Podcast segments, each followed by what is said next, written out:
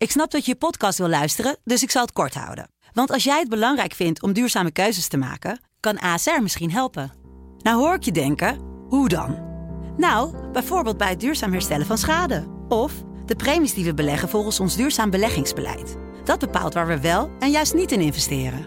Wil je meer weten over welke duurzame keuzes ASR maakt? Ga dan naar asr.nl/slash duurzame keuzes. ASR doet het. Zo, dan kan je nu lekker naar je podcast luisteren. In deze podcast van de Telegraaf elke dag het belangrijkste coronanieuws op een rij. De cijfers en de feiten met thuiswerkers Pim CD en Kamran Oela. Woensdagavond 18 maart 2020. Vanaf deze week maakt de Telegraaf dagelijks deze podcast met de laatste nieuwsfeiten op een rij. Veel Nederlanders die werken vanuit huis, dat geldt ook voor eh, Pim en voor mezelf. Vandaar dat de geluidskwaliteit iets anders kan zijn dan je van ons eh, gewend bent. We proberen dit elke dag weer wat te verbeteren. Nou, zometeen meer over het uh, debat dat op deze woensdag in de Tweede Kamer plaats had. Het uh, laatste nieuws uit de zorg, het onderwijs en het uh, buitenland. En ook alles over de afgelaste evenementen. Maar eerst de cijfers van het RIVM. Pim die heeft ze weer op een rij gezet. Het aantal mensen dat in Nederland overleden is aan corona is gestegen met 15 naar 58 patiënten. De jongste overledene 63, de oudste 95 jaar. Er zijn 346 nieuwe patiënten bekend. In totaal hebben 2051 mensen nu positief getest op het coronavirus. Ja, vandaag vond dan het uh, coronadebat met premier Rutte en minister Bruins plaats in een uh, vrijwel lege plenaire zaal van de Tweede Kamer, omdat er maar een aantal Kamerleden bij mogen zijn. Op afstand van elkaar om verspreiding van het uh, coronavirus tegen te gaan. We voeren dit debat in een uitzonderlijke, moeilijke tijd. Een situatie als deze hebben we niet eerder meegemaakt. En we realiseren ons dat alle ogen op Den Haag zijn gericht, op de regering en op het parlement. Dat zei uh, Khadija Ariep, de voorzitter van de Tweede Kamer. Het debat had dus ook plaats onder andere met minister Bruno Bruins. En hij viel aan het einde van de dag, uh, zo in de avond, uh, flauw. Hij werd onwel, zakte achter het spreekgestoelte ineen en lag even op de grond. Werd overeind geholpen en is weggelopen. Wacht even, ik schors de vergadering. Later twitterde de minister, dank voor alle steun. Ik had last van een flauwte door oververmoeidheid en intensieve weken. Inmiddels gaat het weer beter. Ik ga nu naar huis om vanavond uit te rusten, zodat ik morgen weer aan de slag kan om de coronacrisis zo goed mogelijk te bestrijden. Ja, volgens in, uh, ingewijden is de minister op dit moment dag en nacht in de weer. En vandaag kreeg hij tijdens het debat overigens ook felle kritiek om de oren. Ik wil niet dat meer mensen ziek worden. Ik wil niet dat meer mensen sterven. Ik wil niet dat meer mensen dit virus krijgen. En ik vind het onvoorstelbaar dat er een kabinet zit, dat er een minister-president zit die zegt, doel of niet, ik ga voor groepsimmuniteit, iets wat nog helemaal niet bewezen is, iets waarvan de experts zelfs van de Wereldgezondheidsorganisatie zeggen dat moet je niet doen. De PVV en Forum voor Democratie willen dat Nederland volledig op slot gaat. Een lockdown dus. Rutte die sluit niet uit dat de maatregel later noodzakelijk is, maar wil er nu nog niet aan. En bovendien stelt hij dat Nederland al vergaand op slot zit en dat Nederlanders zich massaal aanpassen aan de nieuwe werkelijkheid. Een ruime Kamermeerderheid steunt het kabinet hierin. Kijk gewoon op straat. Onze horeca, onze cafés, het hele, het hele openbare leven is stilgevallen. De, het openbaar vervoer is met, met tientallen procenten teruggelopen. Nederland past zich op dit moment massaal aan om ervoor te zorgen dat we alles doen om ervoor te zorgen dat er zo min mogelijk mensen door dit virus geraakt worden. Dan uh, naar de zorg. Er komt een uh, nieuw onderzoek naar corona bij kinderen, zo werd vandaag bekend. En er uh, was ook nieuws over het slikken van ibuprofen. Terwijl de drukte op de intensive care afdelingen aan het stijgen is. Pim heeft ook al het zorgnieuws op een rij gezet. Om goede zorg te kunnen garanderen is het cruciaal dat de belasting op de intensive care afdelingen van de ziekenhuizen onder controle blijft. Dat is het geval. Al is er in één etmaal een stijging van ruim een kwart en liggen er nu 177 coronapatiënten op de IC. Op 19 maart start een belangrijk onderzoek naar de effecten van het coronavirus op kinderen. Bij 100 kinderen wordt gekeken hoe ze het krijgen, wat ze ervan merken en hoe besmettelijk ze zijn. 5 april moet dat onderzoek klaar zijn en mogelijk kan daarna een nieuw besluit worden genomen over het al dan niet openen van scholen.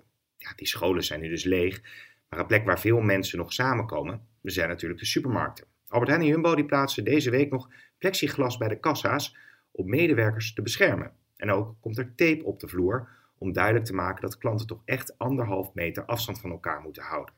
De supermarkten willen trouwens ook een verbod op het betalen met contant geld vanwege besmettingsgevaar. En dan nog even over pijnbestrijding, mocht je het coronavirus hebben.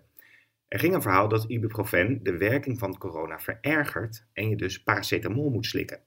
Volgens het Europees Medicijnagentschap is daar geen bewijs voor en kun je beide pijnbestrijders innemen. Ja, scholen hebben onderwijspakketten inmiddels klaar voor de leerlingen, zodat die thuis kunnen werken. Voor veel van jullie eh, geldt dat waarschijnlijk ook, dat de kinderen op dit moment een paar uur thuis huiswerk maken.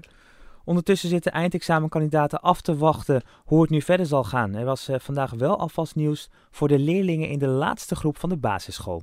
De eindtoets voor de leerlingen uit groep 8 in het basisonderwijs gaat dit jaar niet door. Volgens minister Slop van Onderwijs hebben leerkrachten het simpelweg te druk met het opvangen van kinderen en het vaak online lesgeven aan leerlingen die thuis zitten. Even iets persoonlijks. Ik wil graag een dikke pluim geven aan meester Barry.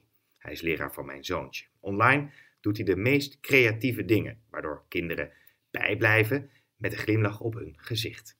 Ja, daar zijn we wel weer. Dag 1 hebben we overleefd. Heel goed. Ik heb hier het boek van juf Braaksel. Normaal gesproken lees ik dat altijd voor in de klas. Maar ja, we zijn er niet. Dus ik dacht, weet je wat, ik lees het gewoon thuis voor. Ik maak er een filmpje van. En dan gaan jullie gewoon. Alleen het schooladvies bepaalt dus naar welke middelbare school leerlingen gaan. Daar wordt natuurlijk wel weer goed gekeken of het kind op het goede niveau zit.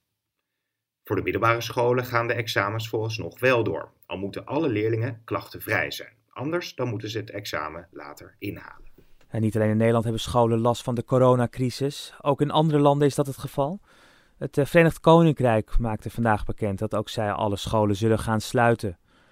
Ondertussen maakte de Johns Hopkins Universiteit vandaag bekend dat er inmiddels meer dan 200.000 coronabesmettingen in de hele wereld zijn.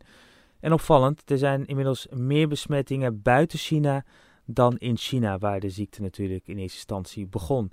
In Europa zijn de zorgen het grootst in Italië. In Italië blijven de zorgen groot.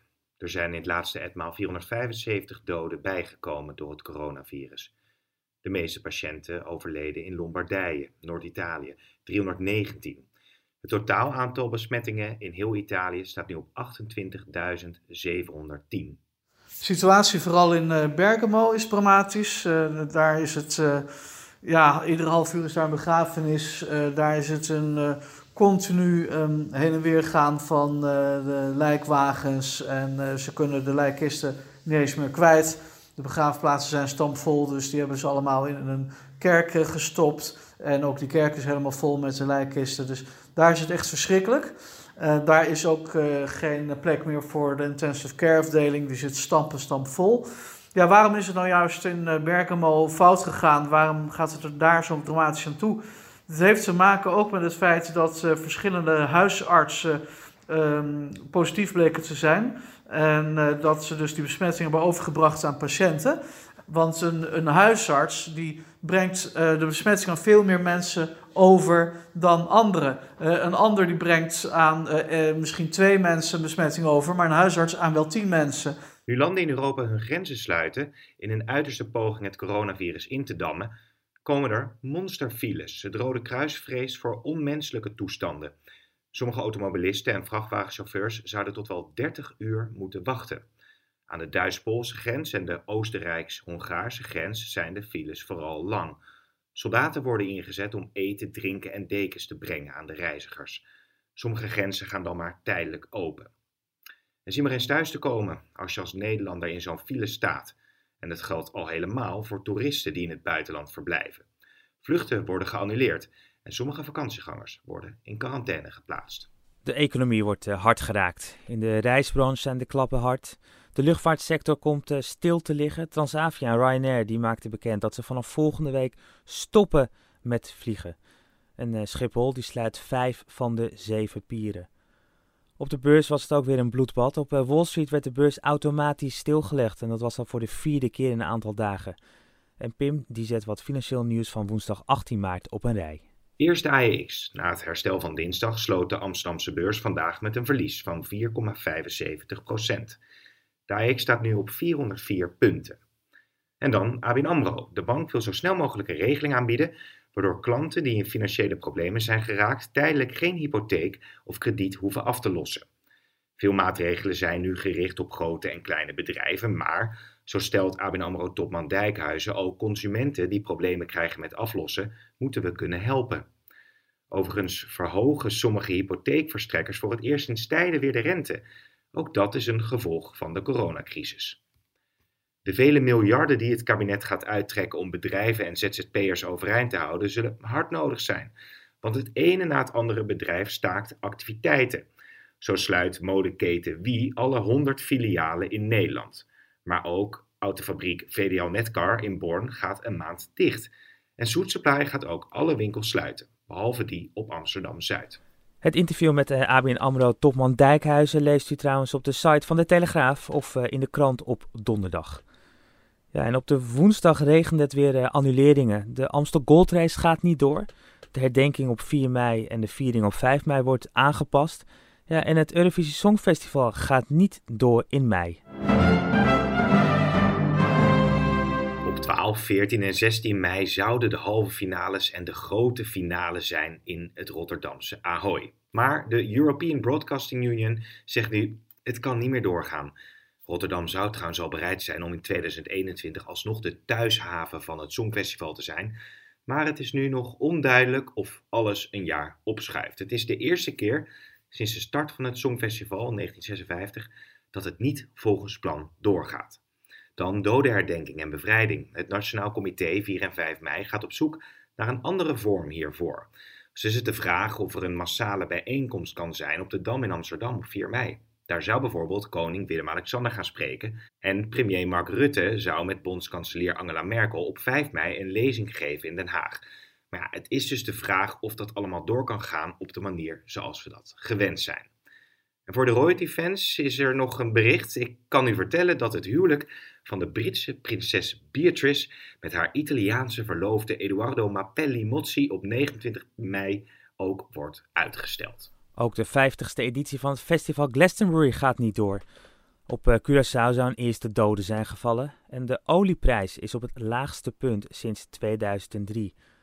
En ook Pim die zet nog een aantal andere nieuwsberichten op een rij. In Zuid-Afrika zijn 30 toeristische accommodaties van wijnhuizen tot boerderijen dichtgegaan na een bezoek van een Nederlands toerist. Hij bleek besmet met het coronavirus en zit daar nu in quarantaine. Gevreesd wordt dat hij tijdens zijn rondreis anderen heeft besmet. Dan voetbalmiljardair en eigenaar van de Duitse club Hoffenheim Dietmar Hop. Hij pompt miljoenen in de ontwikkeling van een coronavaccin.